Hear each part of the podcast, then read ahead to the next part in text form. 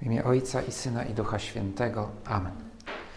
Panie mój Boże mój, wierzę mocno, że jesteś tu obecny, że mnie widzisz, że mnie słyszysz. Uwielbiam Cię z najgłębszą uczcią. Proszę Ciebie o przebaczenie moich grzechów i o łaskę owocnego przeżycia tego czasu modlitwy. Matko moja niepokalana, święty Józefie Ojcze i Panie mój, Aniele Stróżu mój, stawcie się za W niedzielę będziemy obchodzić uroczystość liczby wstąpienia. Zasadniczo to powinniśmy ją obchodzić jutro. Powinniśmy w znaczeniu takim, że, że to przesunięcie na, niedzielę e, to jest rzecz stosunkowo nowa, bo kiedyś tą, ta, ta uroczystość była w czwartek, przed, ze, na 10 dni przed zesłaniem Ducha Świętego z przyczyn historycznych. Między wniebowstąpieniem a zesłaniem Ducha Świętego upłynęło dokładnie 10 dni. No ale Kościół w Polsce i wielu innych krajach biskupi zadecydowali, żeby jednak ta uroczystość jest tak ważna, że w czwartek, w środku tygodnia mało kto pójdzie na mszę, jeśli nie jest to dzień wolny. No a, no a ta tajemnica, jedna z tajemnic naszej wiary, Pan Jezus, który, którego obecność na świecie się zmienia, odchodzi do nieba w swoim ciele, a równocześnie pozostaje cały czas z nami w Eucharystii, jest z nami cały czas obecny w tej boskiej naturze.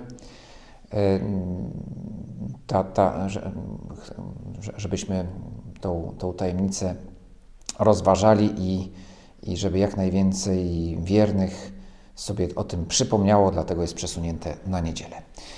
I usłyszymy, co logiczne, w czytaniach opis, i to w dwóch odsłonach, w niebo wstąpienia, bo to opisują ewangeliści w Ewangeliach, a święty Łukasz dodatkowo jeszcze opisuje tą scenę w dziejach apostolskich. Więc posłuchajmy tego fragmentu z dziejów apostolskich na początek. Podczas wspólnego posiłku kazał im nie odchodzić z Jerozolimy, ale oczekiwać obietnicy Ojca. Mówił: Słyszeliście o niej ode mnie. Jan chrzcił wodą, ale wy wkrótce zostaniecie ochrzczeni Duchem Świętym. Zapytywali go zebrani: Panie, czy w tym czasie przywrócisz królestwo Izraela? Odpowiedział im: Nie wasza to rzecz znać czas i chwilę, które ojciec ustalił swoją władzą.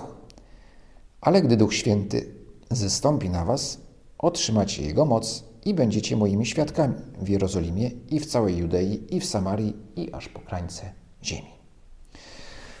Ostatnie słowa Pana Jezusa przed odejściem i Pan Jezus wie, że mają one szczególne znaczenie, dlatego z przyczyn nawet nie nadprzyrodzonych, ale takiej no, naszej natury.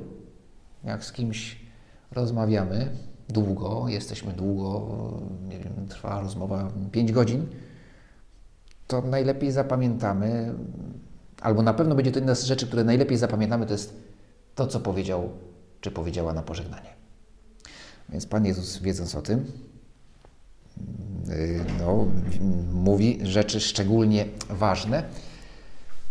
Wszystkie słowa, wszystkie Twoje słowa, Panie Jezu, są dla nas ważne. Ale uwaga, apostołowie jeszcze nie otrzymali Ducha Świętego. Jak go otrzymają, to będą mieli też łaskę szczególną, aby zastanowić się i przyjąć i przypomnieć sobie wszystko, co ważnego Pan Jezus powiedział. I, a ewangeliści zapisą, zapiszą to dla nas. Ale w tym momencie no, Pan Jezus właśnie wie, że co najmniej na najbliższe dni to będzie najważniejsze. Zanim stąpi Duch, Duch Święty, to te słowa, które teraz powie, będą w nich pracować. I co mówi? Idźcie na cały świat. Tak zapisał to Marek, a, a Łukasz mówi: bądźcie moimi świadkami. Jerozolimie, Judei, w Samarii aż po krańce ziemi, czyli również na cały świat. To jest wasze zadanie. Być świadkami, czynić mnie obecnym w świecie. To mówi do apostołów i do każdego z nas. Nie możemy być bierni. Czekać biernie. Pytanie uczniów być może w Panu Jezusie zapaliło taką, może nie czerwoną lampkę, ale żółtą. O, uwaga, uwaga, uwaga. Co oni mówią? czy w tym czasie przywrócisz Królestwo Izraela. Ty przywrócisz, a my poczekamy. Ty dokończ to, co na krzyżu zacząłeś. Hm. Właściwie to na krzyżu Pan Jezus zaczął i skończył, to odniósł zwycięstwo, ale owoce tego zwycięstwa, apostołowie są tego świadomi, dopiero będą się rozchodzić po świecie. E, I może mm, mieli taką, e, takie przekonanie, że Pan Jezus zrobi resztę. No, zwyciężył i On też się zatroszczy o to, aby owoce tego zwycięstwa, które dla nas odniósł, dotarły wszędzie. A my, e, a my z radością je przyjmiemy, czekając i nic nie robiąc. I oczywiście Pan Jezus, tak, Ty, Panie Jezu, dokończysz, bez, ale, ale z nami. I to im właśnie mówisz. Czekajcie na, na, na przybycie pocieszyciela, na tą obietnicę, którą właśnie jest Duch Święty, ale kiedy On przyjdzie, Wy będziecie nieśli owoce mojego zwycięstwa i będziecie moim, moimi narzędziami. E, I dlatego mówi, nie wasza to rzecz wiedzieć, kiedy się dopełni to dzieło, które, które na krzyżu, pokonując śmierć i zmartwychwstając, zmartwychwstając którego dokonałem. Bo gdyby bo gdybyś Panie Jezu wskazał i powiedział, to dzieło zostanie dokończone w roku 2022, gdzieś 15 czerwca, załóżmy. No to wtedy apostołowie po pierwsze myślą, uuu, 2000 lat, to nie, to nie za naszego życia. Ale dobrze, to poczekamy, to już możemy teraz, już przechodzimy na apostolską emeryturę. No, co mieliśmy zrobić? Zrobiliśmy, chodziliśmy z Panem Jezusem po świecie, i teraz, no cóż, 2000 lat, kawał czasu, to i tak tego nie zobaczymy tu na ziemi, więc poczekajmy, pójdziemy do nieba i z nieba będziemy sobie oglądać. Oczywiście banalizuję, pewnie apostowie nie mieli takiego, takiej wizji, ale tak sobie myślę, że właśnie to, że Pan Jezus nie mówi, kiedy to nastąpi, Jego powrót, aby objąć, aby na nowo ziemię stworzyć albo dokończyć tego nowego tworzenia ziemi, to świata całego. Nie mówisz nam tego, Panie Jezu, dokładnie, abyś, aby i apostołowie, i my, abyśmy właśnie nie wpadli w taką wygodną bierność.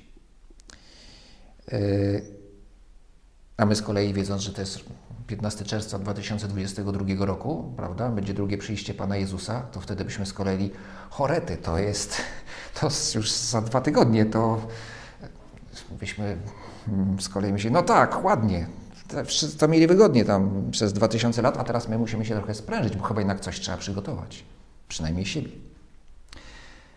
A Ty mówisz, nie wiecie kiedy, ale jedno co wiecie, idźcie na cały świat i głoście Ewangelię. I to mówi apostołom, to mówisz, Panie Jezu, apostołom, i to mówisz nam. Wiemy, że jesteś w nas, a my mamy nieść Ciebie na cały świat i odnawiać ziemię. Odnawiać jej oblicze nie sami, ale mocą Twoją, mocą Ducha Świętego, którego nam wysyłasz, odnawiać. Nawet jeśli nam się wydaje, i możemy mieć wrażenie, że ta ziemia nie tylko się nie odnawia, ale coraz bardziej psuje jej oblicze. Ale, ale jeśli niesiemy Ciebie w naszych sercach, a w naszych sercach to znaczy my sami, to, że nie zostajesz w naszych sercach, my Ciebie niesiemy w naszych sercach, aby świat Ciebie poznał, to oblicze ziemi się odnawia. Dałeś nam zadanie na całą historię, na wiele wieków. A równocześnie dajesz apostołom zadanie na teraz. przygotujcie się na przybycie pocieszyciela, na przybycie Ducha Świętego. Przygotujcie się na misję, którą rozpoczniecie, kiedy zostaniecie napełnieni Jego mocą. To zadanie konkretne, zadanie można powiedzieć strategiczne na cały świat. Cele taktyczne to jest przygotować się teraz na przybycie Ducha Świętego. Czy tutaj jest językiem wojskowym, a językiem może tych zarządzania cele krótkoterminowe i długoterminowe. Długoterminowe to jest po prostu zbawienie całego świata. Krótkoterminowe przygotujcie się na przybycie Ducha Świętego. Takie zadanie otrzymali uczniowie, a my. No bo co do tego zadania, tego celu długookresowego, no to jest jasne, uczestniczymy. Mm, to jest również i nasz cel. No ale przygotowanie na zesłanie Ducha Świętego, Duch Święty przybył i my już się nie musimy przygotowywać. Ano, ano musimy. Albo raczej chcemy. Bo, yy, bo ten czas, który otrzymali uczniowie przygotowania, on również jest dla nas. Dla nich to było konkretne 10 dni. Pewnie można nawet ustalić dokładne daty. To się da, prawda? Bo, bo, bo, bo yy, historycznie historycy są w stanie wskazać dokładną datę yy, śmierci i zmartwychwstania Pana Jezusa, a co za tym idzie również zesłania Ducha Świętego. I w jakich dniach oni oczekiwali, ale, ale my również, działając, wykonując realizując tą misję, którą nam dajesz, równocześnie cały czas potrzebujemy się nieustannie przygotowywać, otwierać na działanie Ducha Świętego. Przygotowywać na, choć On już w nas działa, to równocześnie się przygotowujemy. Co to znaczy? Staramy się, aby lepiej Jego dary przyjmować. Więc dla nas przygotowanie i misja są równoległe. Dla apostołów to było przygotowanie i misja, a dla nas to się dzieje w tym samym czasie. Te dni przed zesłaniem Ducha Świętego są dobrą okazją, aby sobie o tym przypomnieć, właśnie o tym przygotowaniu. Takim przygotowaniem są na przykład rekolekcje, które dobrze jest odbywać e, co najmniej raz w roku. Rekolekcje w parafii, a jeszcze lepiej, niezależnie od, od, od, od rekolekcji, które są w parafiach y, czy w innych kościołach w okresie Wielkiego Postu czy w Adwencie, też, jeśli to możliwe, odbyć jakieś swoje osobiste rekolekcje y, w dowolnym okresie czasu. Pewnie byłoby bardzo pięknie, gdyby cały Kościół przed zesłaniem Ducha Świętego poszedł na rekolekcję. Tylko jest to niewykonalne, bo to by znaczyło, że miliard ludzi równocześnie zaczyna rekolekcję. Oby, oby wszyscy katolicy chcieli, e, chcieli się zatrzymać i przygotować na, czy w ogóle sobie przypomnieć o tym, że istnieje Duch Święty. Od, tego trzeba zacząć, że pewnie duża część w ogóle nie, nie, nie do końca wie, kim Duch Święty jest, ale, no ale oczywiście to jest niemożliwe żeby, żebyśmy się zatrzymali, cały, wszyscy wierzący w Chrystusa zatrzymali się na, na, na 10 dni i, i, i odbyli rekolekcję. Tym niemniej, ten czas, te dni, teraz, od jutra do, do, do, do, do, do, do niedzieli Ducha Świętego, to może dobry moment, aby sobie choć troszeczkę lepiej uświadomić. Po pierwsze, znaczenie Ducha Świętego w naszym życiu, ale także przypomnieć sobie o misji.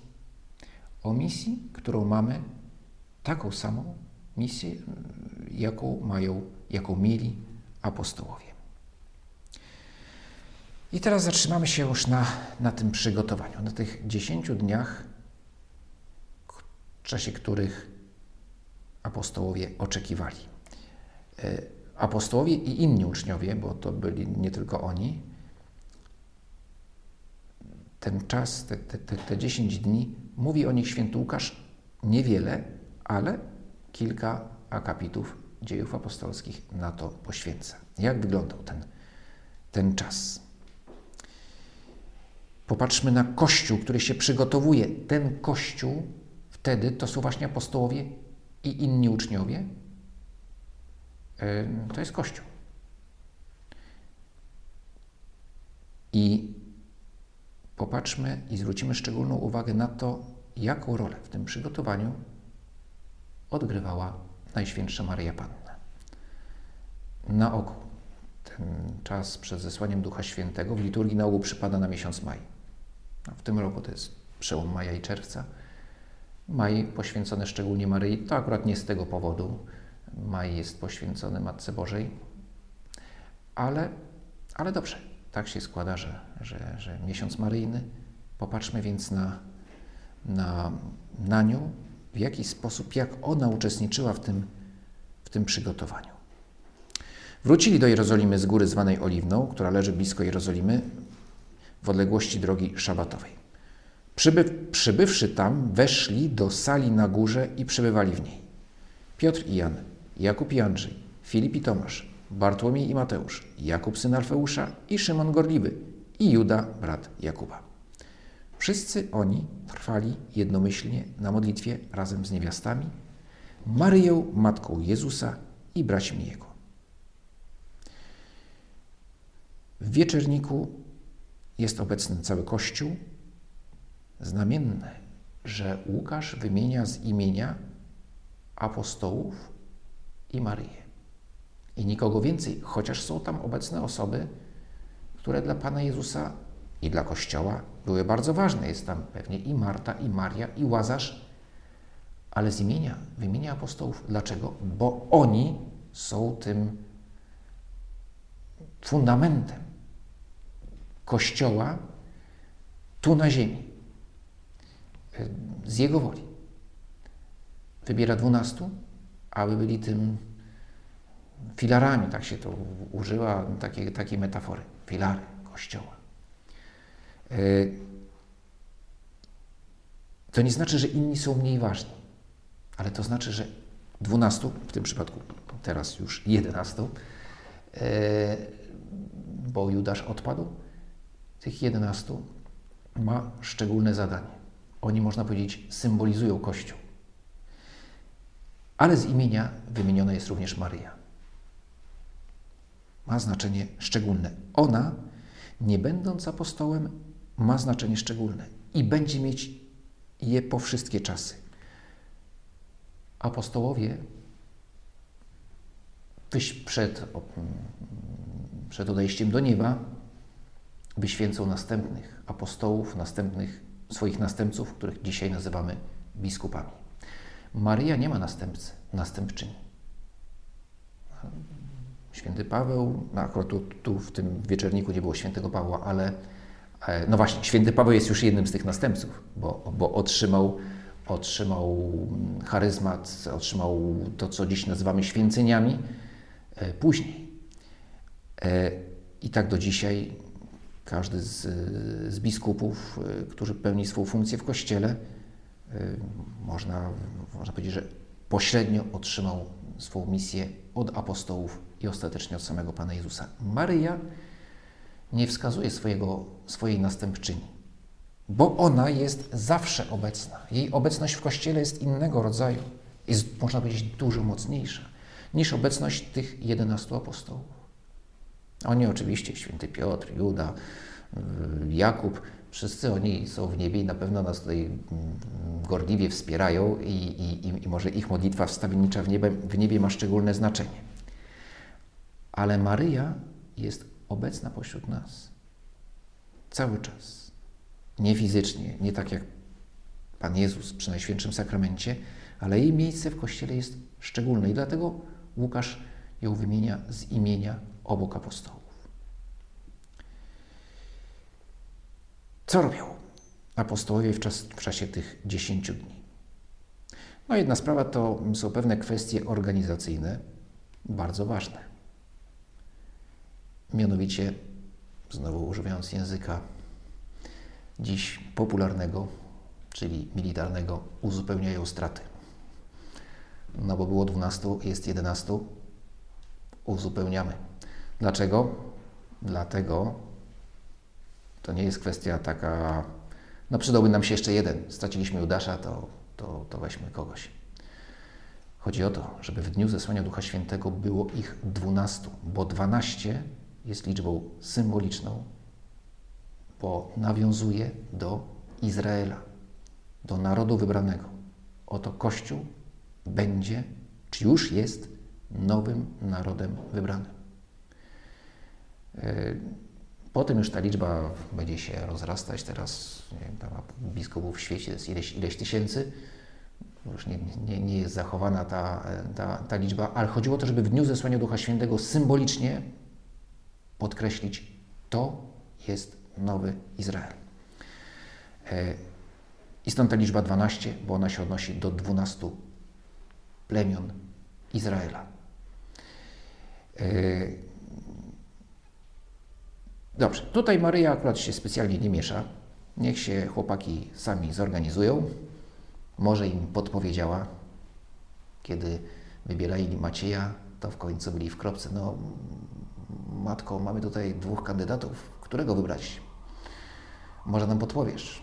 Ona mówi, dajcie przestrzeń działania Ducha Świętego, ale jak? Jakkolwiek. No, może być losowanie. Bo taki był sens tego losowania. To nie chodziło o to, że mm, powierzyć się przypadkowi, tylko podkreślić, my nie chcemy, to nie my decydujemy, to decyduje Duch Święty. Dobra, to ważna sprawa, ale nie najważniejsza. Bo ten czas to jest czas, kiedy apostołowie potrzebują poczuć bardziej swoją jedność między sobą. Zanim się rozejdą po świecie.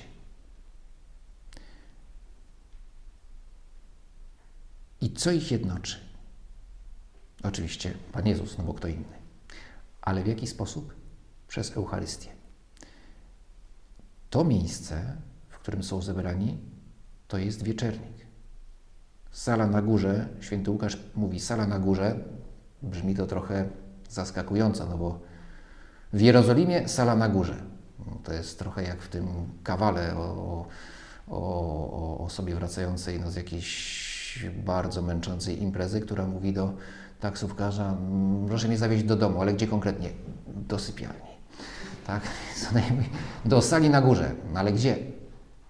Dla czytelników dla pierwszych czytelników czy słuchaczy tej Ewangelii to było jasne. No, chodzi o, o, o wieczernik. Sala na górze to jest wieczernik tam, gdzie była ustanowiona Eucharystia.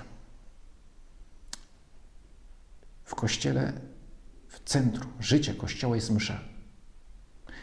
Ona sprawia, że Twoja obecność, Panie Jezu, jest szczególna, wyjątkowa, bo stajesz się obecny wraz z Twoją ofiarą, pośród nas, że możemy Cię przyjmować, widzieć, dotykać, że stajesz się częścią mnie samego, kiedy przyjmuję Cię w komunii.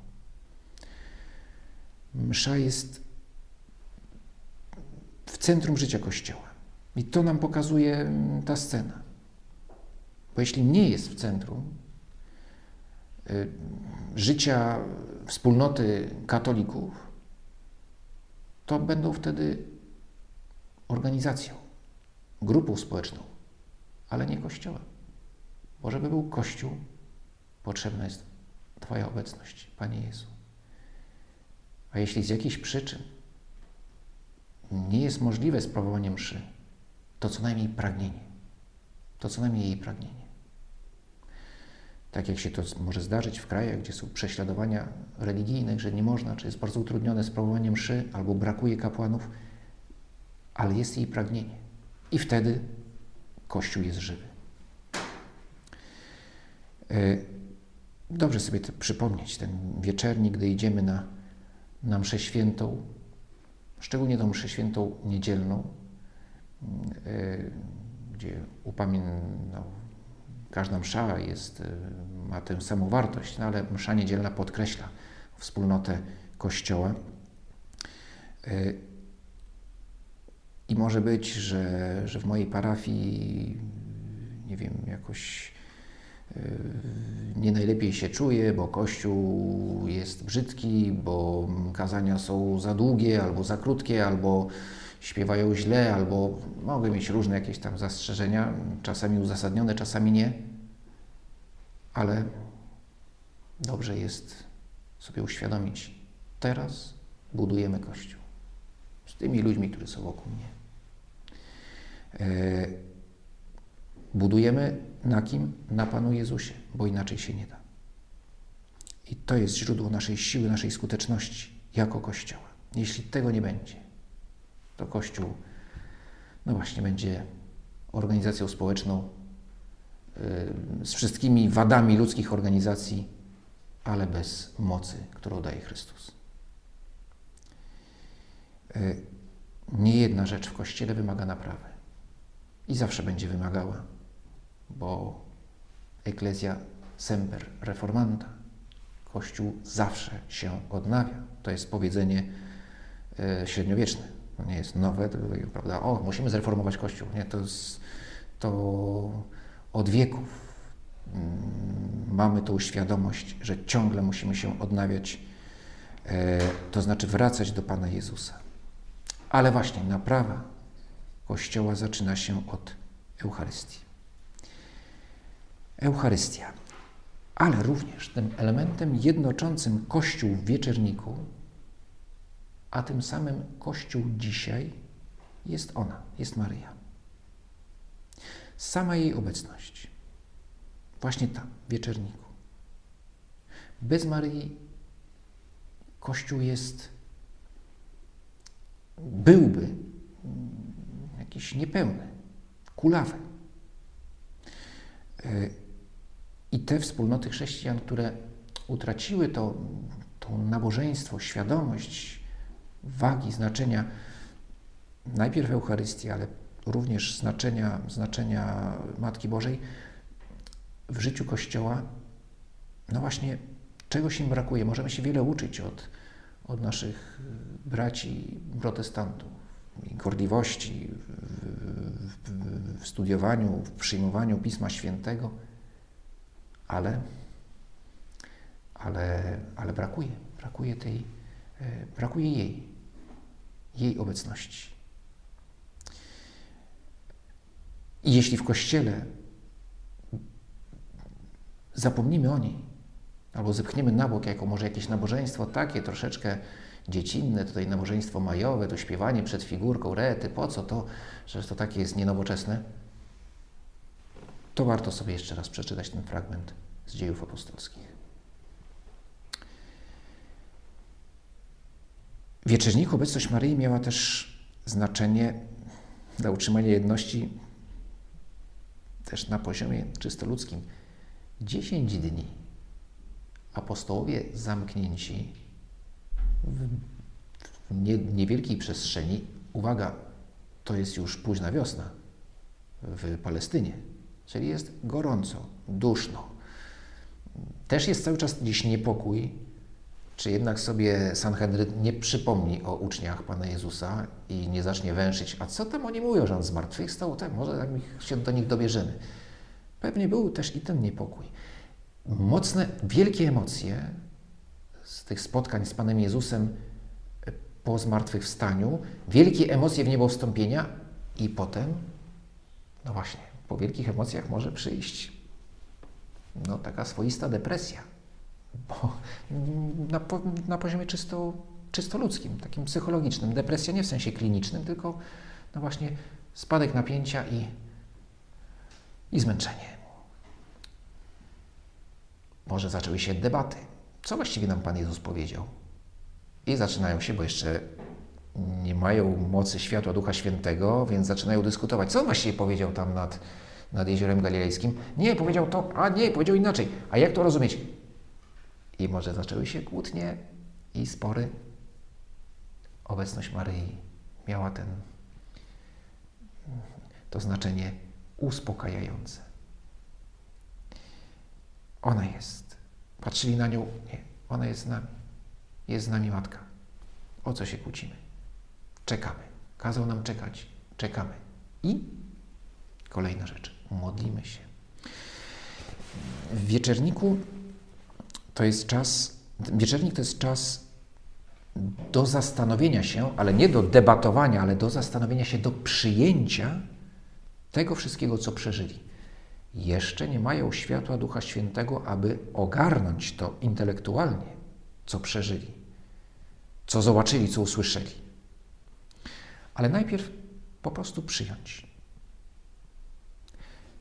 I znowu, Maria jest tutaj wspaniałym przykładem, wzorem do naśladowania. Trzy razy mówi święty Łukasz o tym, jak Maryja przyjmuje zdarzenia, działanie Boga, nie rozumiejąc go, albo nie rozumiejąc w pełni, ale przyjmuje. Pierwsze to jest oczywiście przy zwiastowaniu. Oczywiście Maryja zrozumiała to, co mogła zrozumieć i to, co powinna zrozumieć, aby w sposób dobrowolny przyjąć e, Pana Jezusa. Ale właśnie ona rozważała w swoim sercu, co miałoby znaczyć to pozdrowienie. Pozdrowienie anioła. Ale potem są dwie sytuacje, gdzie jeszcze dużo mocniej to widać. To jest ofiarowanie Pana Jezusa w świątyni i słowa Symeona, i, czy inne zdarzenia, i wszystko to Maryja rozważała w swoim sercu, i potem y, znalezienie Pana Jezusa w świątyni. W tym drugim przypadku wprost ewangelista mówi: Maryja nie, zrozum nie rozumiała o co chodzi. Nie rozumiała, ale rozważała w swoim sercu. Nie rozumiała, bo nie mogła jeszcze zrozumieć, mimo że, że jej umysł nie był skażony grzechem, ale właśnie nie rozumiejąc albo nie rozumiejąc w pełni, przyjmowała. To jest kontemplacja, to jest nasze życie modlitwy. Maria, która, która słucha, przyjmuje i cierpliwie czeka, żeby zrozumieć. E, a również kiedy rozumie, to przyjmuje, aby to, co słyszy, działało w, nie, w niej działało. Kontemplacja, która nie oznacza ucieczki od świata. Czasami takie, można mieć taką, taką skrzywioną wizję, że no, to jest taka osoba uduchowiona, dużo się modli, taka bardzo kontemplacyjna i nic się z nią nie da załatwić, prawda? Bo zapomni, bo w ogóle nie wie, co się wokół niej dzieje, jest tak uduchowiona. No to w takim razie przypomnijmy sobie Maryję na weselu w Kanie Galilejskiej. Kiedy jest jedyną osobą, która w takich materialnych, codziennych sprawach, no może wesele to nie jest sprawa codzienna, ale, ale zorganizowania, zorganizowanie porządnej kolacji to jest sprawa codzienna. I Maryja dostrzega, brakuje wina ta, która rozważa najgłębsze tajemnice naszej wiary, nie tylko, że jej to nie przeszkadza, żeby patrzeć wokół, ale wręcz pomaga. Bo kto ma życie kontemplacyjne, ten umie patrzeć na rzeczywistość i na przykład dostrzegać w sprawach materialnych sens nadprzyrodzony, konkretnie miłość bliźniego. Maria się martwi o tych uczestników wesela, a w szczególności o parę młodą myśli o nich, dostrzega problem, który się pojawił i chce go rozwiązać, bo myśli o, ale o, o, o, o parze młodej, ale najpierw go w ogóle dostrzega, bo kocha.